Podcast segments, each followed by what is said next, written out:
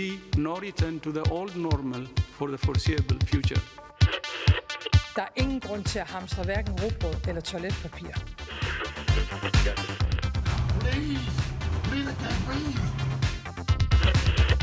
No politician in history has been treated worse.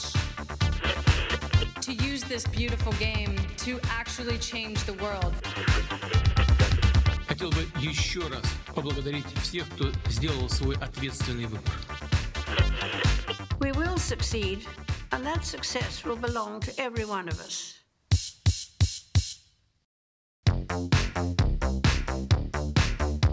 Góðan dag, kæru hlustendur, þeir að hlusta á heimskviður. Ég heiti Guðmundur Björn Þorbjörnsson. Og ég heiti Birta Björnsdóttir. Í heimskviðum er fjallaðum það sem gerist ekki á Íslandi.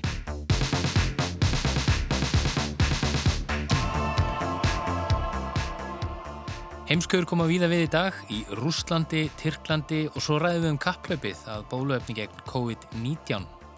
Það er ekki hægt að binda þá keppni við eitt land. Nei, svo sannlega ekki. Það þekkir ekki neinn landamæri frekar en veiran sjálf og það er auðvitað eiginlega allims átak í gangi. Við heyrum betur um það á eftir en Dagni Hulda Erlendsdóttir ætlar að fara með okkur til Rúslands. Héraskostningar fara fram í landinu um helgina í skugga mikill að mótmæla í nágrannaríkinu Kvítarúslandi og einnig í skugga eitrunar helsta andstæðingsfósettans Alexis Navalnís. Það er því loft læfiblandið og margir nýjir flokkar sem hafa viljað bjóða fram en ekki fengi blessun stjórnvalda. Dagni Hulda ætla líka að segja ykkur frá stjórnmálaferðli Navalnís sem að spannar yfir 20 ár. En þú, Guðmundur Björn, þú ætlar að fara með okkur til Tyrklands, eða ekki? Jú, Tyrkland og þá sérilegi Erdogan Fossetti hafa verið mikið umræðinu síðustu vikur og í raun síðustu ár og ekki alltaf að góðu. Í síðustu viku var heimsókn Robert Spano, Fossetta mannreittita domstóls Evrópu til Tyrklands harlega gaggrínt en hann tók þar við heiðurs doktorsnabbót við háskólan í Istanbul úr hendi Erdogans Fossetta. Tyrknesk stjórnvöld hafa gerst seg um fjölmörg mannreittindabrót síðustu ár og því þóttu mörgum þetta skrítið. Ég ætlum ekki að fjalla um þetta mál en ég ætla að fjalla þess um þennan Fossetta, Erdogan og hans stjórnunar hætti í ljósi þessara mannreittindabróta. Einmitt, við heyrum meir um það aðeins síðar þettinum en við ætlum að byrja á COVID-19. Heimsmet í bóluefna framleiðslu er handan við hornið en þúsundir vísindamanna keppast nú um að verða fyrstir til að koma á markað bóluefni við COVID-19. Það er kraftaverki næst því þróun bóluefna tekur jafnan ár og jafnvel ára tugi. En það eru þetta mikið undir, líf og heilsa miljóna, heilu efnagaskerfin og margir stærstu livjarísar heims keppast um að verða fyrstir. En er kappið og samkeppnin of mikil? Bjarni Pétur Jónsson kynnti sér bóluefna kapplöpið.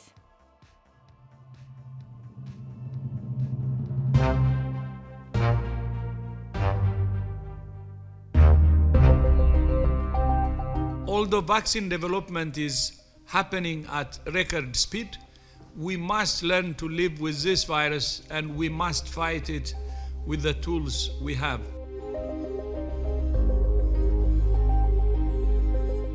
Við þurfum að læra að lifa með faraldrinum, hefur oft herst undanfarið og bóluefni er engin töralust.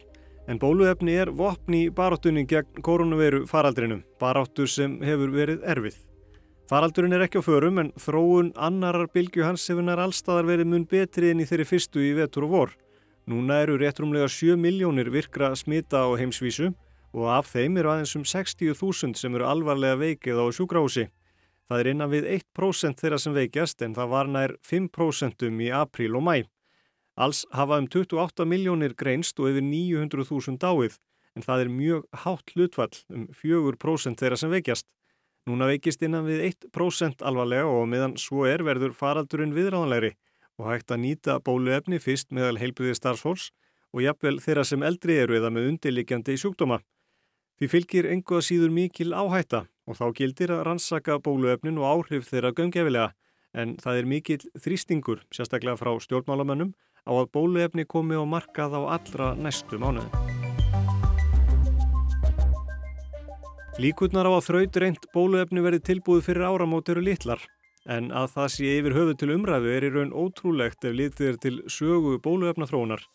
Það tókst á rúmum fjórum árum að finna bóluefni við hettursótt en það er nú gefið flestum landsbönnum við áttjón mánað aldur, en bólusetning hér hófst 1989. Þróun bóluefnis hefur ekki tekið skemmri tíma til þessa, en það tók sjú ára að finna bóluefni við mænusótt, nýju við mislingum og hlaupabólu alls 34 ár.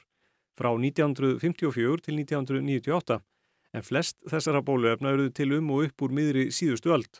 Síðan hefur tækninni fleikt fram en þrátt verið það er bóluefni við HVF verunni enn ófundið 36 árum eftir að það komi ljós hvers konar veira það er sem veldur sjúkdónu.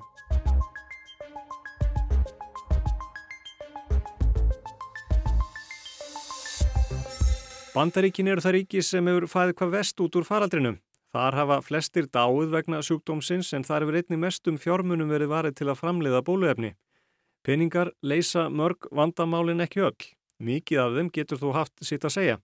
Í byrjun sumars var hleyft af stokkunum Operation Warp Speed, verkefni sem átti að tryggja að 300 miljón skamtar á bóluefni eru tilbúinir fyrir áramót. Bandaríkjastjórn hefur alls lagt tæpa 11 miljardar bandaríkjadala til verkefnisins og margir stæstu livjarisa heims sótt fjármagn þangað. Þar á meðal eru AstraZeneca, Moderna, Johnson Johnson, Pfizer, GlaxoSmithKline og Novavax. Hjá mörgum þeirra vinna vísindamenn og annað starfsfólk á þreföldum vöktum sjö daga vikunar að því að þróa bóluefni fyrir áramót, mjög metnaðarfullt markmið sem gæti náðst, en það er kannski ekki síst vegna þekkingar á fyrri faröldrum koronaviru SARS í byrjun aldarinnar og MERS árið 2012.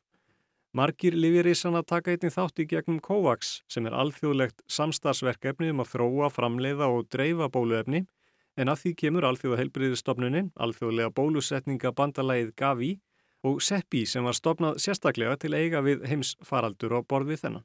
So my name is uh, Ellen Hogue and I'm Senior Policy Manager in SEPI, Coalition of Epidemic Preparedness Innovations. Ellen starfar hjá SEPI sem var stopnað í Davos í Sviss fyrir þremur árum til að bæta og auka viðbúnað við heimsfaraldri. Á meðal þeirra sem komuð því á fót voru alþjóða efnaðarsráðið og góðgerðasjóðurnir Wellcome Trust og Gates Foundation sem er góðgerðasjóður Bill og Melinda Gates. Hún segir markmiði nú skýrt að koma bóluefni til sem flestra og það sé því best að sem flest ríki komi að samstarfinu. The challenge that we are fronting with, with COVID-19 is a global one and, and therefore also requires a global response. Helsta markmiði sé að tryggja láttekjulöndum aðstóð og aðgangað bóluefni og koma í veg fyrir verðhækkanir þegar bóluefnið kemur á markað. It's tremendously important to secure that we have an end-to-end -end approach that can serve both uh, high-income countries but also low-income low countries to make sure that we can that we can tackle this pandemic in the most uh, efficient and also most, most ethical way. Á meðal Livja og líftækni fyrirtækja sem taka þátt í COVAX verkefninu eru Moderna, Novavax og AstraZeneca en það síðast nefnda lendi í vandraðum í vikunni. This morning, a setback for one of the leading candidates in the race for a COVID 19 vaccine. AstraZeneca pausing its global trials of a coronavirus vaccine. A participant in the UK suffering an adverse reaction. A highly anticipated vaccine for COVID 19 developed by UK drug maker AstraZeneca has been put on hold for a safety review. And there are still no answers on when a vaccine will be available. AstraZeneca gerði hlýja á rannsóknum með bóluefnið eftir að þáttakandi í rannsóknum þeirra í Breitlandi vektist. Flestir litur svo á í byrjun þessara viku að þrjú bóluefni væru í fórustu í bóluefna kaplöpinu. Eitt þróaða liðreisanum Pfizer, annað af AstraZeneca og vísindamönnum við Oxford háskóla í Breitlandi og það þriðja af bandariska líftækni fyrirtækinu Moderna. Öll þrjú eru langt komin með klíniska rannsóknir og margir spáðu því að þau eru jafnvel komin með vottun á þessu ári. Það er þó heldur ólíklegt að það takist hjá þeim öllum. Rannsóknir á Shadowx-1, bóluefni Oxford og AstraZeneca lofuðu góðu en þær eru gerðar á 20.000 í Breitlandi, Brasilíu, Suður Afríku og á Indlandi. Ástæða þess er svo að fólk af ólíkum uppruna getur brúðist og ólíkan hátt við bóluefninu og aukaverkanir geta komið fram hjá til dæmis indverjum en ekki hjá brasilíumannum.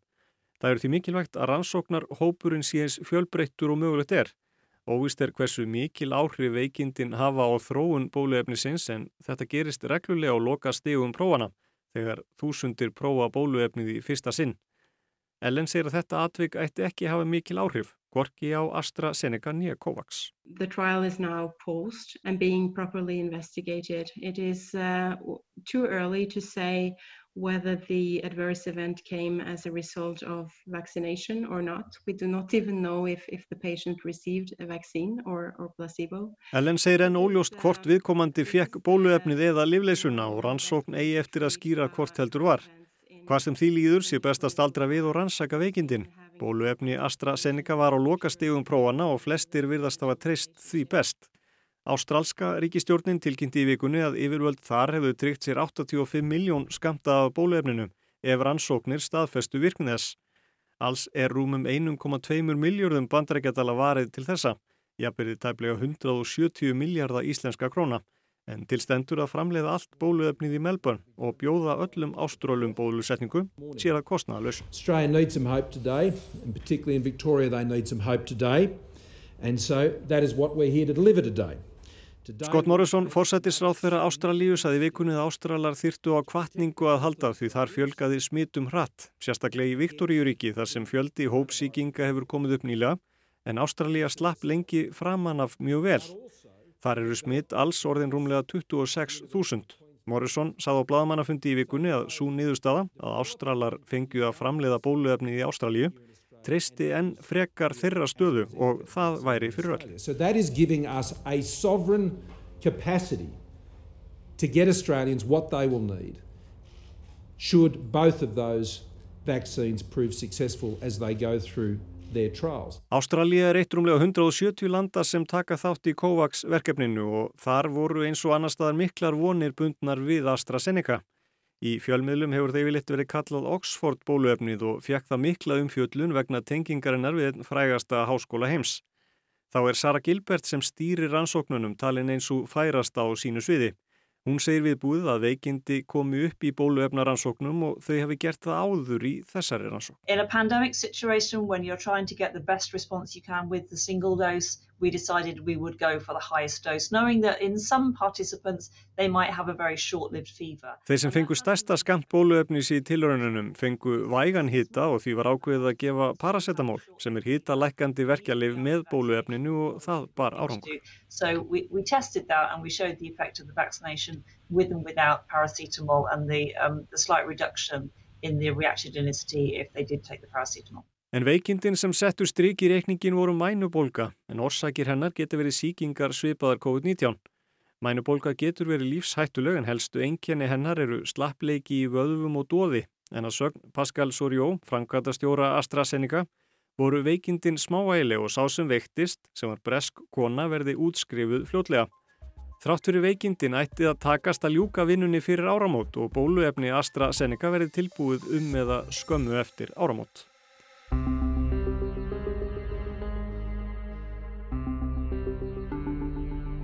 En uppi var fótur og fytt því rannsóknir hafa fram til þessa gengið mjög vel. Dr. Francis Collins, yfirmaður bandarísku heilbriðistofnurinnar, var kallaður fyrir þingnemnd öldungadeildar bandaríkjathings í gær til að skýra áhrif þessa rannsóknir AstraZeneca stöðist. Hann saði þetta dæmi sína hvers vegna fjöldi fyrirtækja kæmi að rannsóknunum því ef eitt bóluefni bregðist sé enn von. Það verður því ekkert slegið af kröfum um að bóluefnið sé örugt. There are ways, however, that we have adopted in Warp Speed to move quickly while retaining those most rigorous scientific standards, and I think you would want us to do that. People are dying. Collins segir að fólk sé að deyja vegna sjúkdómsins og því þurfi að hafa hraðarhendur en það með ekki koma niður á virkni bóluefnisins eða örgi þess. Það sé mikilvægt að vinna þetta vel því ef aukaverkanir komi í ljós eftir að framlegsla hefst þurfum við að eigða henni allir.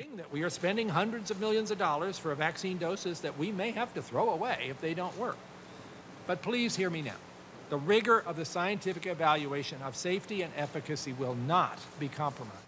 Þrýst hefur verið á vísindamenn að flýta rannsóknum enn frekar og fósvarsmenn stærstu lífjafyrirtækjana sendu frá sér sameinlega yfirlýsingu í vikunni þar sem framkomað engin afsláttur eru gefin af þeim stöðlum sem tryggðu virkni og örygg í bóluefnana.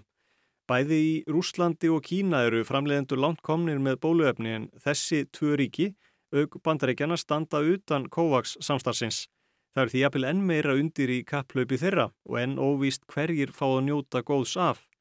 Titrein Gebri Jesus, yfirmaður alþjóða helbriðustofnarinnar, hefur varað við því sem hann kallar bóluefna þjóðurnisíkju og þeim hugsunarhættið að nú þurfi hvert ríki að hugsa um sig og sína hagsmunni.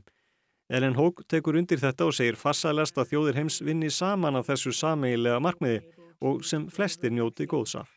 In the end, it is, it is only safe and effective vaccines that can bring us back to normality and, and be the fastest way out of this um, out of this pandemic. Örug bóluefni séu besta leiðin út úr faraldrinum en það eftir að reynast flókið að koma 20 miljardum skamta af bóluefni til yfir 170 ríkja og það þarf tölvert mikið til. Alþjóðasamtök flugfélaga segja þetta veri stærsti flutningur sögunar og magnið jafnist á við fullfermi 8000 Boeing 747 breyðfóta til að koma einum skamti af bóluefni til allra. Ellen segir að nú sé verða kortleggja hvernig þetta verði gert en mikilvægasta og erfiðasta verkefnið verða að koma bóluefni til þróunaríkjana en öll ríki Afríku taka þátt í COVAX. Það eigi þó eftir að takast því þetta samstarfi í sér engin fordæmi. So um, we're seeing a, a global collaboration will to an extent uh, that hasn't been seen before uh, and through this uh, and through securing countries' participation and, and both political and financial support to COVAX, we're positive that, uh, that we will see a vaccine in the near future.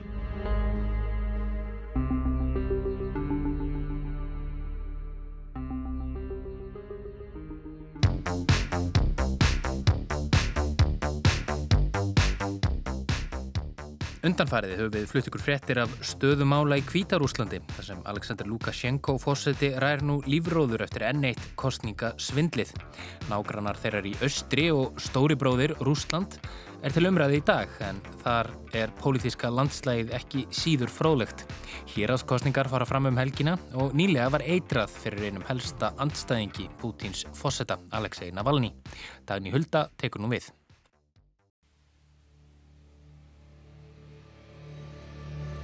Привет, это Навальный.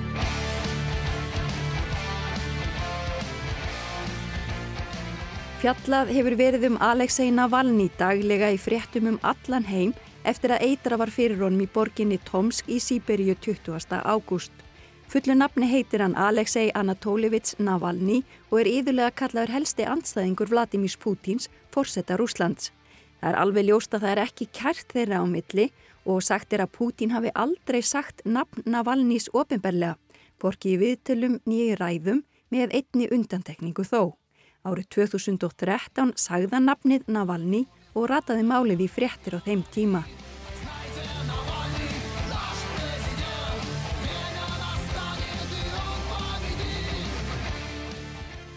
Þísk stjórnvöld segja alveg ljóst að eitrað hafi verið fyrir stjórnaranstæðingnum og hafa krafið rúsnesk stjórnvöldum rannsókn á málinu. Augu margra hafa beinst að þeim en það er Navalny ekki fyrsti anstæðingu þeirra sem eitraðir fyrir eða unnið megin. Í tilfellina Valnís er eitrunin þó langt í frá það eina.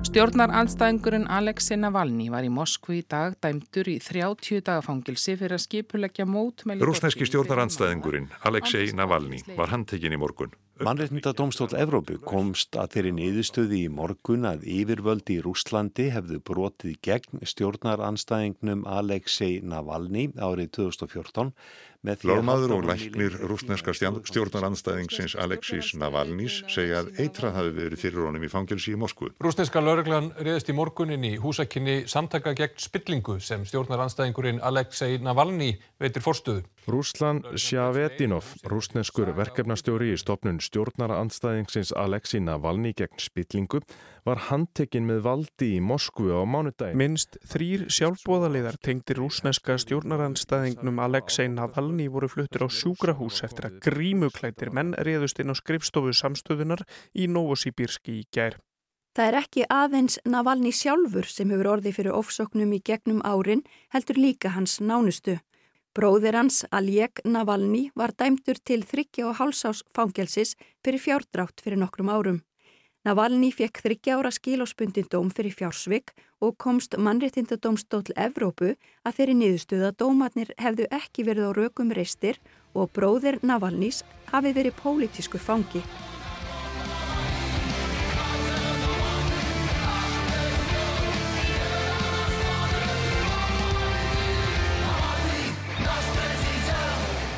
En hver er þessi 44 ára gamli lögfræðingur sem hefur gert það að starfi sínu að vera stjórnmálamadur þó að hann fói síst af öllum að bjóða sig fram í kostningum. Navalny hóf stjórnmálaferilinn í Mosku í floknum Jablaka Árið 1999 þá 23 ára gamall nýjútskrifaður lögfræðingur. Á þeim tíma var Pútín nýjorðin fórsættisráð þeirra í fyrsta sinn og satt við hlið Borisar Jeltsin þáverandi fórsætta. Það þótti verið heldur þjóðarnislegur tótni stefnuna valnís fyrstu árin. Það hugnaðist ekki fóristu hins frjálslinda stjórnarandstöðuflokks Jablaka og því skildu leiðir árið 2007. Árið 2013 bauð Navalni sig svo fram til embættis borgarstjóra Moskvu. Það voru rifið upp ímus ummæli sem hann hafði látið falla til dæmis um yfirvöldi sjálfstjórnar hér aðeinu Tjatsníu sem er hluti af rúsneska sambandslíðveldinu og sumuleiðis ummæli sem hann hafði látið falla um stjórnvöld á öðrum svæðum þar sem múslimar eru í meiru hluta. Við sem hér erum trúum og vitum að það er líka venjulegt fólk í Kákasus, ekki bara þessi viðrinni sem eru við völd. Við vitum að þarna búa stúlkur sem hafa önnur markmið í lífinu en að vefja sig í burku og eignast 25 börn. Þetta sagði Navalny árið 2011 á viðburði sem var helgaður umræðu um lægri fjárframlög rúsnarska sambandslýðveldisins til Kákasussvæðana. Það þótti líka nokkuð umdelt meðal frjálslindra andstæðingar stjórnvalda að Navalny hafi tekið þátt í árlegri göngu þjóðverðni sinna. Þá vakti aðtikli á Vesturlöndum þegar hann sagði út á svitel árið 2014 að hann myndi ekki skila krímskaga aftur til úkræðinumanna ef hann myndi komast til valda. Krímskaga innlumuður rúsar árið 2014 og hafa síðan verið beitti refsu aðgerðum af halvu Vesturlanda.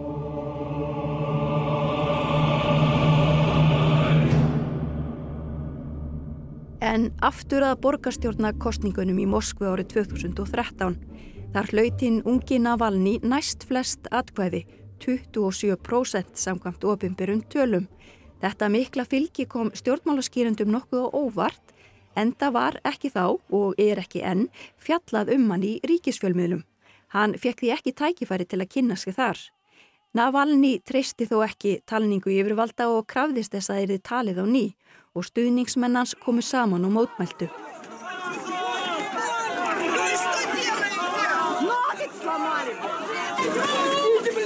Allt kom fyrir ekki og Sergei Sobjanin sem tengdur er rúsnarskun stjórnmöldum fekk samkvæmt ofinbörum tölum flest atkvæði og hann er ennþá borgarstjóri.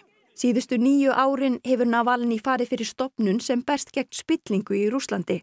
Hann er með sína eigin rás á YouTube og áskrifendurnir eru yfir fjórar miljónir talsins. Navalny og samstarfsfólk hans í flokknum Rúslandi framtíðarinnar er mjög virt á samfélagsmiðlum og nýti sér þá og YouTube til að ná til fólks. Знаете, в фантастических фильмах так бывает. Смотришь на город и прекрасный мирный пейзаж. Кто-то едет на велике, парочка целуется, пенсионеры сидят на лавочке, а родители укачивают ребенка. Þarna heyrðu við í Navalny í nýlegu myndbandi á YouTube síðun hans sem fjallar um stöðumála í borginni Tomski í Sýberju. Það var einmitt á heimleið þaðan sem hann veiktist heiftarlega og þýskir læknar segja að hafi verið eitrað fyrir honum.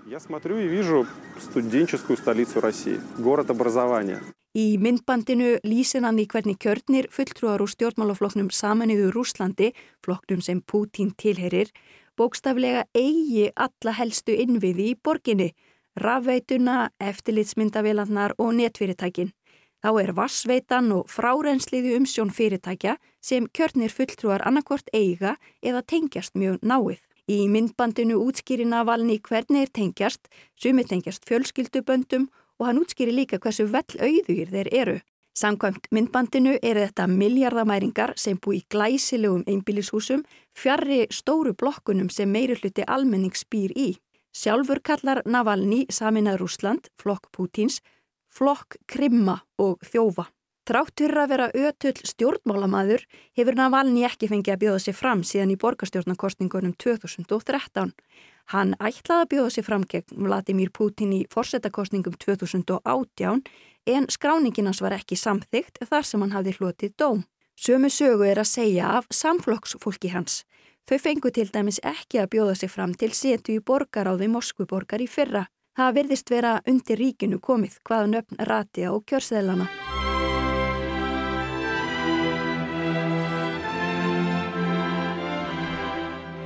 Það verða héraskostningar í Rúslandi um helgina og þær voru einmitt ástæða þess að Navalny var í borginni Tomski í ágúst. Ímsar kenningar eru upp um það hvers vegna var eitra fyrir Navalny einmitt núna, hvort að sé vegna starfa hans í þái stjórnarandstöðunar í aðdraðanda kostningana, vegna stuðnings við mótmælendur og stjórnarandstöði í Kvítarúslandi en allt virðist á huldu enn.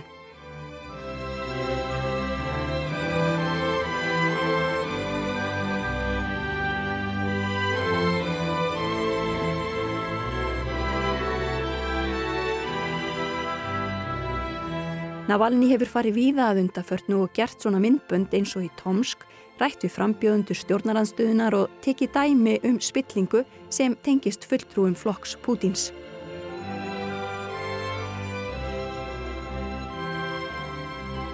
Um helgina verða kostnir fulltrúar á hérasting í 41 héraði landsins. Þá verða kostnir nokkrir hérastjórar. Dimitri Dubrovski, mannréttinda sérfræðingur og dósend við Higher School of Economics í Sandi Pétursborg og Moskvu, segir að það sama sé upp á teningnum í þessum kostningum eins og öðrum. Fjölmörgum stjórnarandstæðingum sé ekki leift að bjóða sig fram. Uh, because of the number of the events, first of all, uh, after the Belarus events, Belarus protest, and after the uh, poisoning uh, Alexei Navalny, Now the situation is very, although it's not very general election. So this is not a state dome election or the presidential election even. So what is very important here is that that would be the most competitive, ironically, uh, I believe, that will be the most competitive election. Although what we have right now, we have the number of the new parties which is already cannot be registered as uh, they cannot register their candidates. Dubrovski segir að vegna mótmælana í Kvítarúslandi og eitrunarinnar verði þetta líklega einstaklega spennandi kostningar, þrátt fyrir að það séu ekki til þingsins eða fórseta embættisins. Hann bendir á að margir nýjir stjórnmálaflokkar hafi verið stopnaðir en að yfirvöld úrskurði frambóð margra þeirra ógild. Það er nokkri flokkar sem fó alltaf að bjóða fram. Þar á meðal kommunistaflokkurinn og frjálslindi demokrataflokkurinn sem fyrir reyndar ekki bera nafn með rendu og er frekar þekktur fyrir íhaldsemi og þjóðverðnishyggju en frjálslindi. Þetta eru flokkar sem hafa ekki veitt stjórnaflokknum mikla andstöðu og fá því að bjóða sig fram. Dubrovski segir að hérastingin hafi þú ekki íkja mikil völd. And it is very important to remember that is the almost nothing the local elite could do without the direct approval of the Moscow. Það er eiginlega ekki neitt sem hér að sifurvöldin geta gert án samþykis frá stjórnvöldum, segir hann. Það sé þó smá sveirum. Þrátt fyrir að hafa ekki fengið að bjóða sig fram til borgarþingsins í fyrra, beittuna valni og félagar ákveðnu kerfi til að minga fylgi flokks Pútins. Það voru fáir sem ekki hafa sínt stjórnvöldum hotlustu sem fengu að bjóða sig fram og því stóðu flokkarnir sem berjast fyrir líðræði og breytingum þjætt saman. Þeir notuðu kerfi sem kallaði smart voting og fundu út hvaða fulltrúar ættu mestan möguleika á að fá fleiri atkvæði en fulltrúar stjórnaflokksins. Það virkaði vel og stjórnarandstæðan bætti verulega við sig þó stjórnaflokkurinn hafi haldi meiri hlutanum. Þessu kerfi var líka beitt þegar hérastjóri í Kabarovsk héraði var kjörinn árið 2018. This is a very interesting story. Furgal of the smart voting system. And because of that, uh, he found himself in the very strange situation. Dubrovski segir að sagan af Sergei Furgal, hérastjóra í Kabarovsk, sé gott dæmi um það hvernig þetta kerfi virkar. Hann tilheyrir frjálslinda líðræðisfloknum sem þykir ekki svo frjálslindur og var kjörinn hérastjóri fyrir tveimur árum. Dubrovski segir að þar hafi kostningakerfi hjálpað til og Furgal fekk fleiri atkvæði en frambjóðandi saminas Rúslands. Dubrovski bendir á að vinsaldir Pútins og flokks hans farið dvínandi og nú séu flokkar eins og frjálslindi demokrataflokkurinn sem hafi gegnum tíðina verið hund tryggir stjórnvöldum aðeins farnir að sína lið sem stjórnarandstaða. Í það minsta sumstaðar. Ferill Fúrgals sem hérastjóri fjekk þó snöggan endi í júli. Þá var hann handekinn og gefið að söka hafa skipulagt og morð á tveimur aðtapnamönnum árið 2005. Strax var skipaður annar hérastjóri sem stjórnmálaskýrendur segja að sé hlýðhóllar í stjórnmöldum.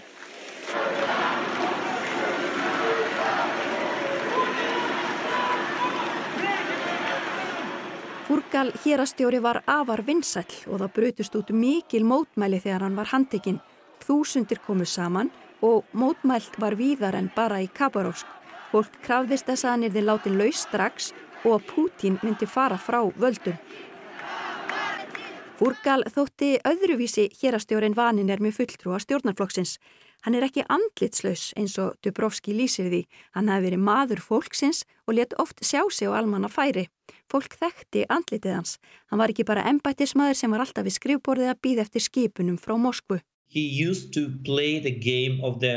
Public politician, which is the very unusual for Russia. There's most of the our politicians they well either self-appointed bureaucrats or uh, nominated uh, nominated from above the bureaucrats without the face.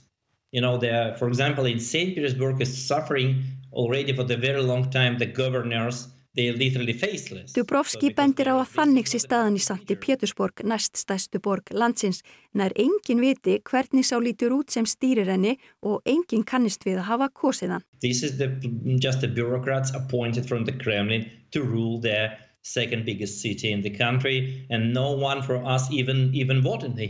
En hvers vegna þurfti að losna við fúrgal? Varla var það vegna þess að hann var maður fólksins. Dubrovski segir að ástæðan sé svo að þegar kosi var um stjórnarskrábreytingar í sumar hafi mun færri verið fylgjandi þeim í héræðinu heldur en á landsvísu. His personal uh, case, uh, the, the investigating committee opened against him, was the price he paid for the simple fact he did not falsify the data about the constitutional voting. Dubrovski segir að handtakan sé það gjald sem Fúrgal hafi þurft að greiða fyrir að hafa ekki falsað niðurstöður kostningana og ekki þrýsta á fólk að kjósa. Hann hafa einfallega skipulagt kostningarnar eins og venjulegur hérastjóri. Það er ekki beint að segja að það er ekki algjör stöðuleiki í Rúslandi þessa dagana. Nýbúið er að eitra fyrir helsta andstæðingi fórsetans og öll spjót beinast að stjórnvöldum. Þá fylgist almenningur grant með gangi mála í nágrannaríkinu Kvítarúslandi. Þar hefur fórsetin setið í 26 ár, 6 árum lengur en Pútin. Á þetta tvent, eitruninn og staðan í Kvítarúslandi eftir að verða til þess að fleiri mæti á kjörstað. Yeah, I, th I think so, and and and it, it it could be probably attract more people for voting for for the for the election. Dubrovski telur að staðan geti orði til þess að fólk kjósi frekar. The Belarus events is very important for us as a lessons for the for the democratical movements is a peaceful uh, protest and peaceful demonstrations and pro and active protest against the uh, falsification of the of the of the result of the election.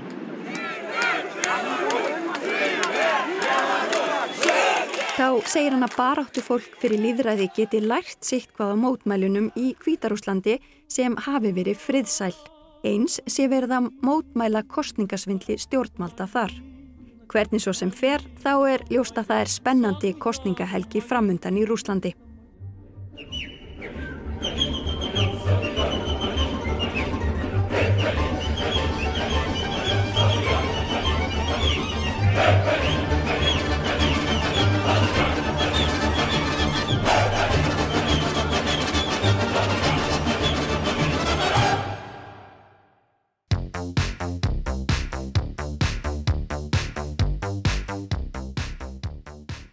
Og frá Rúslandi og Kvítarúslandi höldu við til Tyrklands. Uppi var fótur fyrt í síðustu viku þegar Róbert Ragnar Spanó, fórseti mannriðtind og domstóls Evrópu, fór í ofinbera heimsók til Tyrklands og veitti þar við töku heiðurstókt og snabbót við háskólan í Istanbul. Róbert var gaggríndur harlega fyrir að taka við slíkri nabbótur hendi Rasip Tayyip Erdogans Tyrklandsfórseta. Hvers vegna? Jú, vegna þess að mannréttindi, þau sömu og domstól Róbert Spanó stöndur vörðum, hafa í stjórnatíð Erdogans verið víða fótum tróðin. Ekki bara í landinu sjálfu heldur einni í nákvæmnaríkjum, meðal annars í Sýrlandi. En hvað er það sem Erdogan fórseti raunverulega vill? Guðmundur Björn tekur nú við.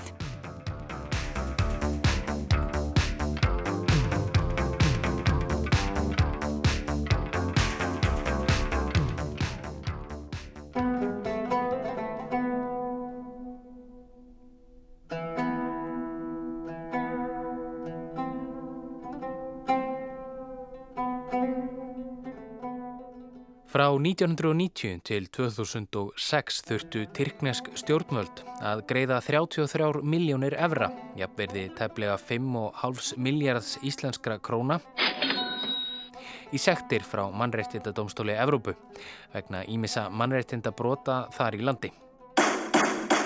Það var einmitt árið 1990 sem Tyrkland heimileði að ríkisborgarar gætu leitað á náðir mannreittindadómstólsins með sín mál. Alls voru málin á þessu tímabili 567 talsins og sneri flest að deilum Tyrkja og Kurda í suð-austurhluta landsins. Málunum átt eftir að fjölga næstu árin. Árið 2007 bárast tefnilega 3000 mál hafðuð gegn tyrkneskum stjórnvöldum inn á borð mannreittindadómstólsins. Í 331 máli komst domstólina þeirri niðurstöðu að stjórnvöld hefðu framið mannreittindabrót. Árið 2008 komu Tyrkir næstir og eftir rússum sem það ríki sem mest er sakaðum mannreittindabrót fyrir domstólnum með 9000 mál allt í allt.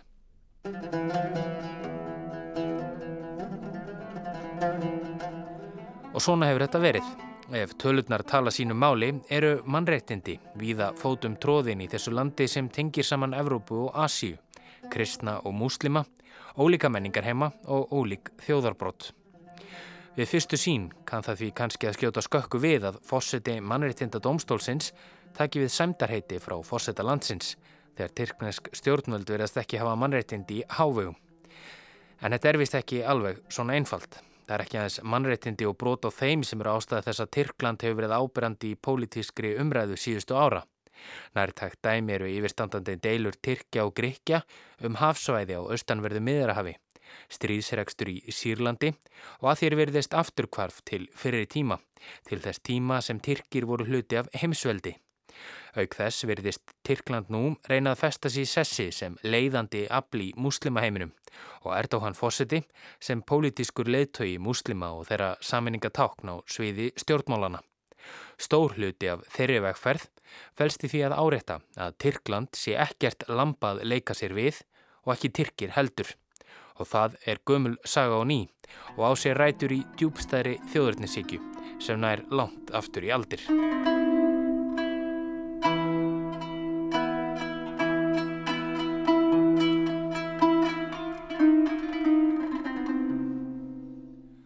Áður en lengra er haldið í þessari umfjöllunum Tyrkland Erdóhans er verðt að líta um auksl. Við verðum ekki til í tómarúmi, hugmyndur okkur um heimin og veruleikan eru nátengdar okkar eigin sögu og byrjiði hennar getur verið þung. Eitt stærsta heimsveldi mannkinsögunar, ottomannaveldið, varði frá lokum 13. aldar allt til loka fyrir heimstyrjaldar eða í rúmar 6 aldir. Ottomannaveldið sem stundum er nefnt Tyrkjaveldið dró napsett af ottomunum sem komu til Anatóli og 13. öld en Anatóli náði yfir stóran hluta þess lands sem í dag tilherir Tyrklandi.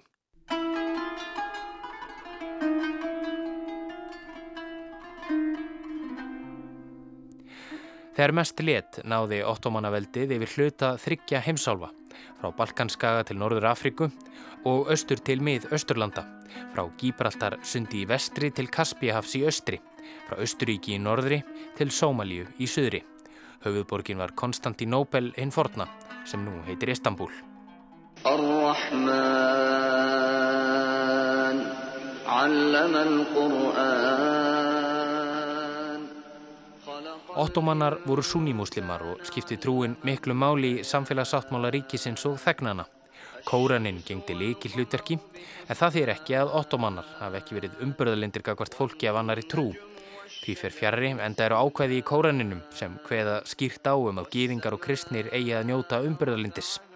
Kristnir og gýðingar fengu að vera í friði eins og múslimar en þeim var gert að halda hópin, svo að segja, giftast fólki af sömu trú og leysa deilur og ágreiningsefni sín á milli. Það var aðeins ef deilur kom upp á milli ólíkra trúarhópa sem stjórnvöld gripu inn í.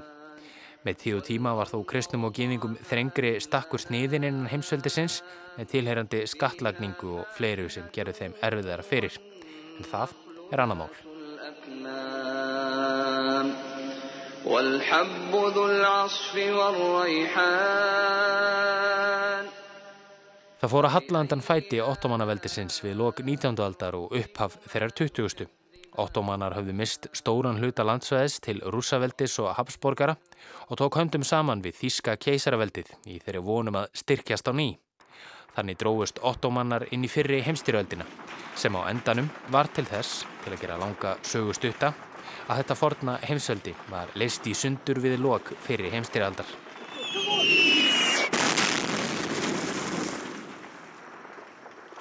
Við tók blóðu sjálfstæðisbaráta í landinu sem við þekkjum nú sem Tyrkland.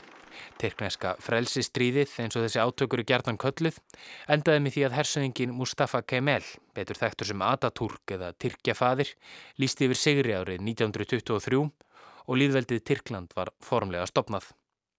Miklir umbóta tímar fóru í höndi í Tyrklandi Höfuborgin var færð frá Istanbul til Ankara, Tyrkland færðist í átt til vestræðnar menningar, latnest Stavró var innleitt, fjölkvæni var bannað og síðast en ekki síst var íslamska kalifadæmið lagt niður. Sammenningartákn Tyrkja var því ekki lengur Íslam, líkt og það hefði verið frá stopnun ottomanveldisins. Ataturk leitt svo á að leiðtogi verallegs líðveldis og þjóðríkis geti sömulegis ekki verið trúarleiðtogi.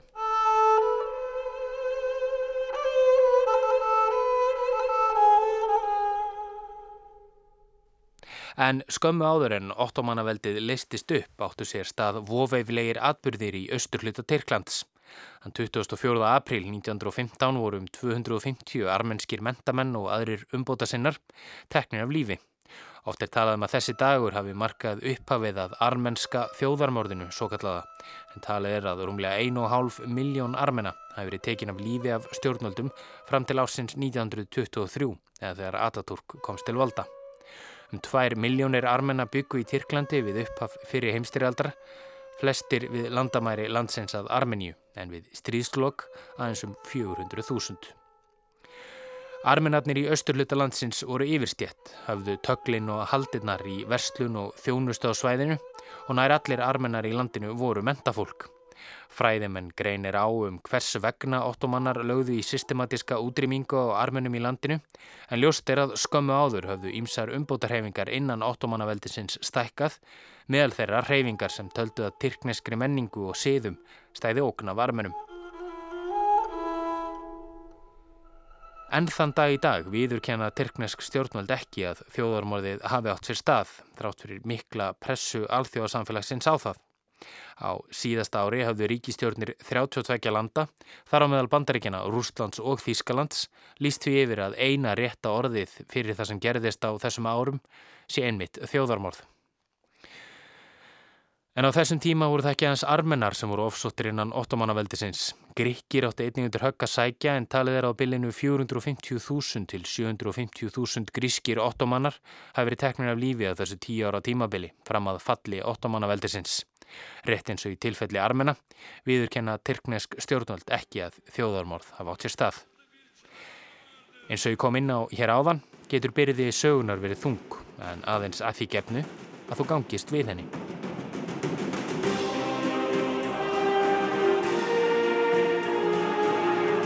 Sevgili, en sevgili, ey sevgili.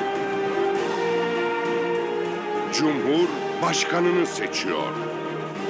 Türkiye'nin gücüne güç katıyor. Erdoğan Allt frá því Recep Tayyip Erdogan komst til valda í Tyrklandi sem fórsetisar á þeirra árið 2003, þóka til hann varð fórseti í 2014 og til dagsins í dag, hefur hann leitast við að gera Tyrkland aftur að stórveldi. Engin leðtögi í líðveldisins hefur haft viðamikil áhrif á Tyrknest samfélag og Erdogan frá því Ataturk fjall frá.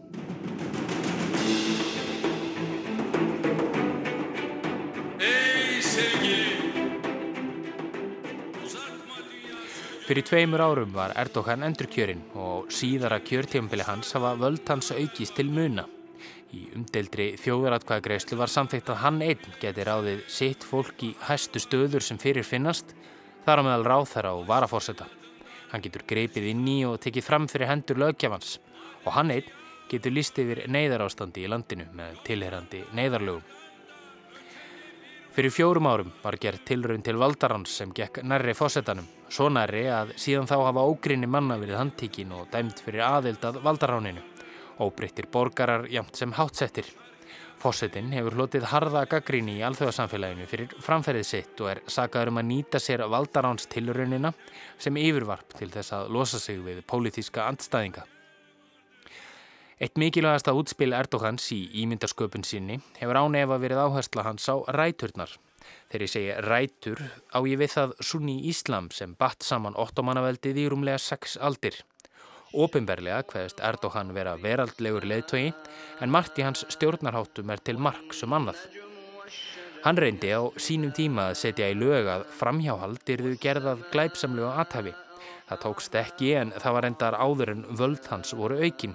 Þá hefur hann heimilað konum að bera slæður í ópimberum byggingum nokkuð sem Atatürk harð bannaði og var hluti af hans leið í átt til veraldlegri stjórnunarhátta.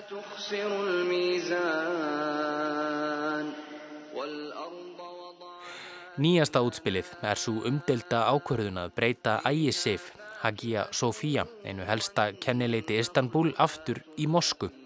Ægisif var reist sem kirkja og sjöttu öld en breytt í Mosku á tímum ottomanna. Þegar Atatürk komst til valda lit hann breyta henni í sapn og hefur hún síðan þá verið eitt helsta aðdráttaraflið fyrir ferðamenn í Istanbul. Fréttaskýrindur telja með þessu hafi Erdogan styrt stöðu sína meðal íhaldsamra og strángtrúaðara Tyrkja og haldið áfram að afmá mörkin millir hins veraldlega og trúarlega í stjórnartíð sinni. Aftur hvarf til fortíðar hugsa eflaust einhverjir.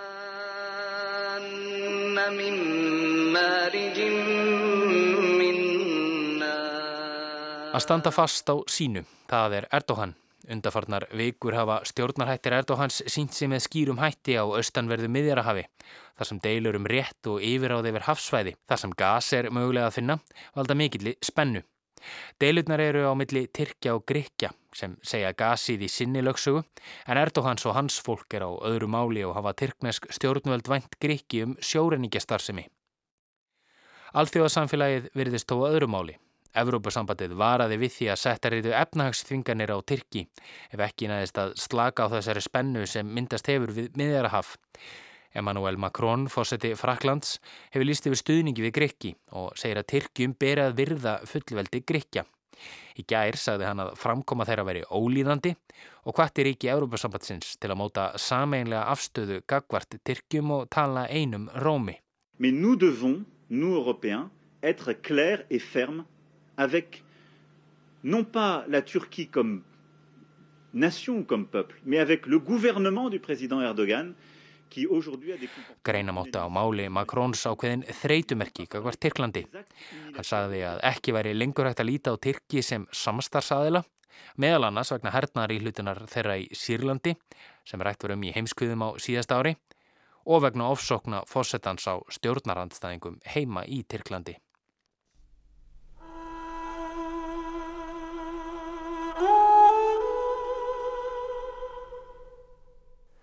Þetta ber alltaf sama brunni. Tyrkir láta ekki vaða yfir sig sama hvaða vettvangi það er. Það er stefna Erdogans. Til að framfylgja slíkri stefni og alþjóðlega sviðinu þarf að stjórna með harðri hendi heima fyrir. Það segir sig sjálft. Fossiti sem stendur höllum fæti heima hjá sér er ekki vænlegur til útflutnings.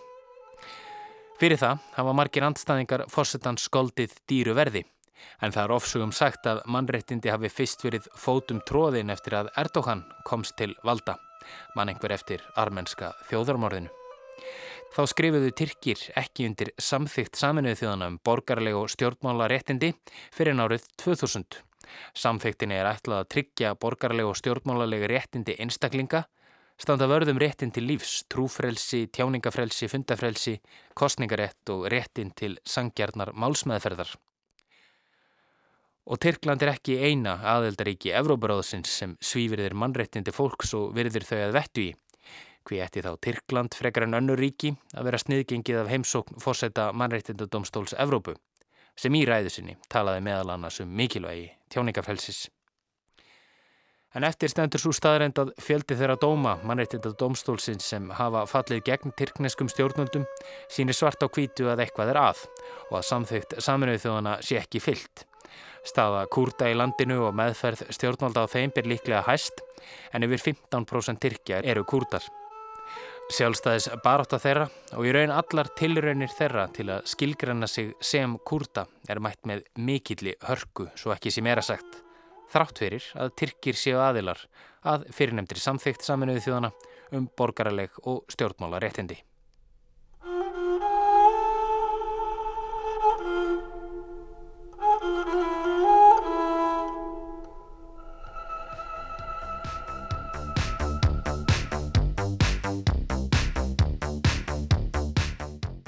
Heimskviður verða ekki fleiri þessa vikuna.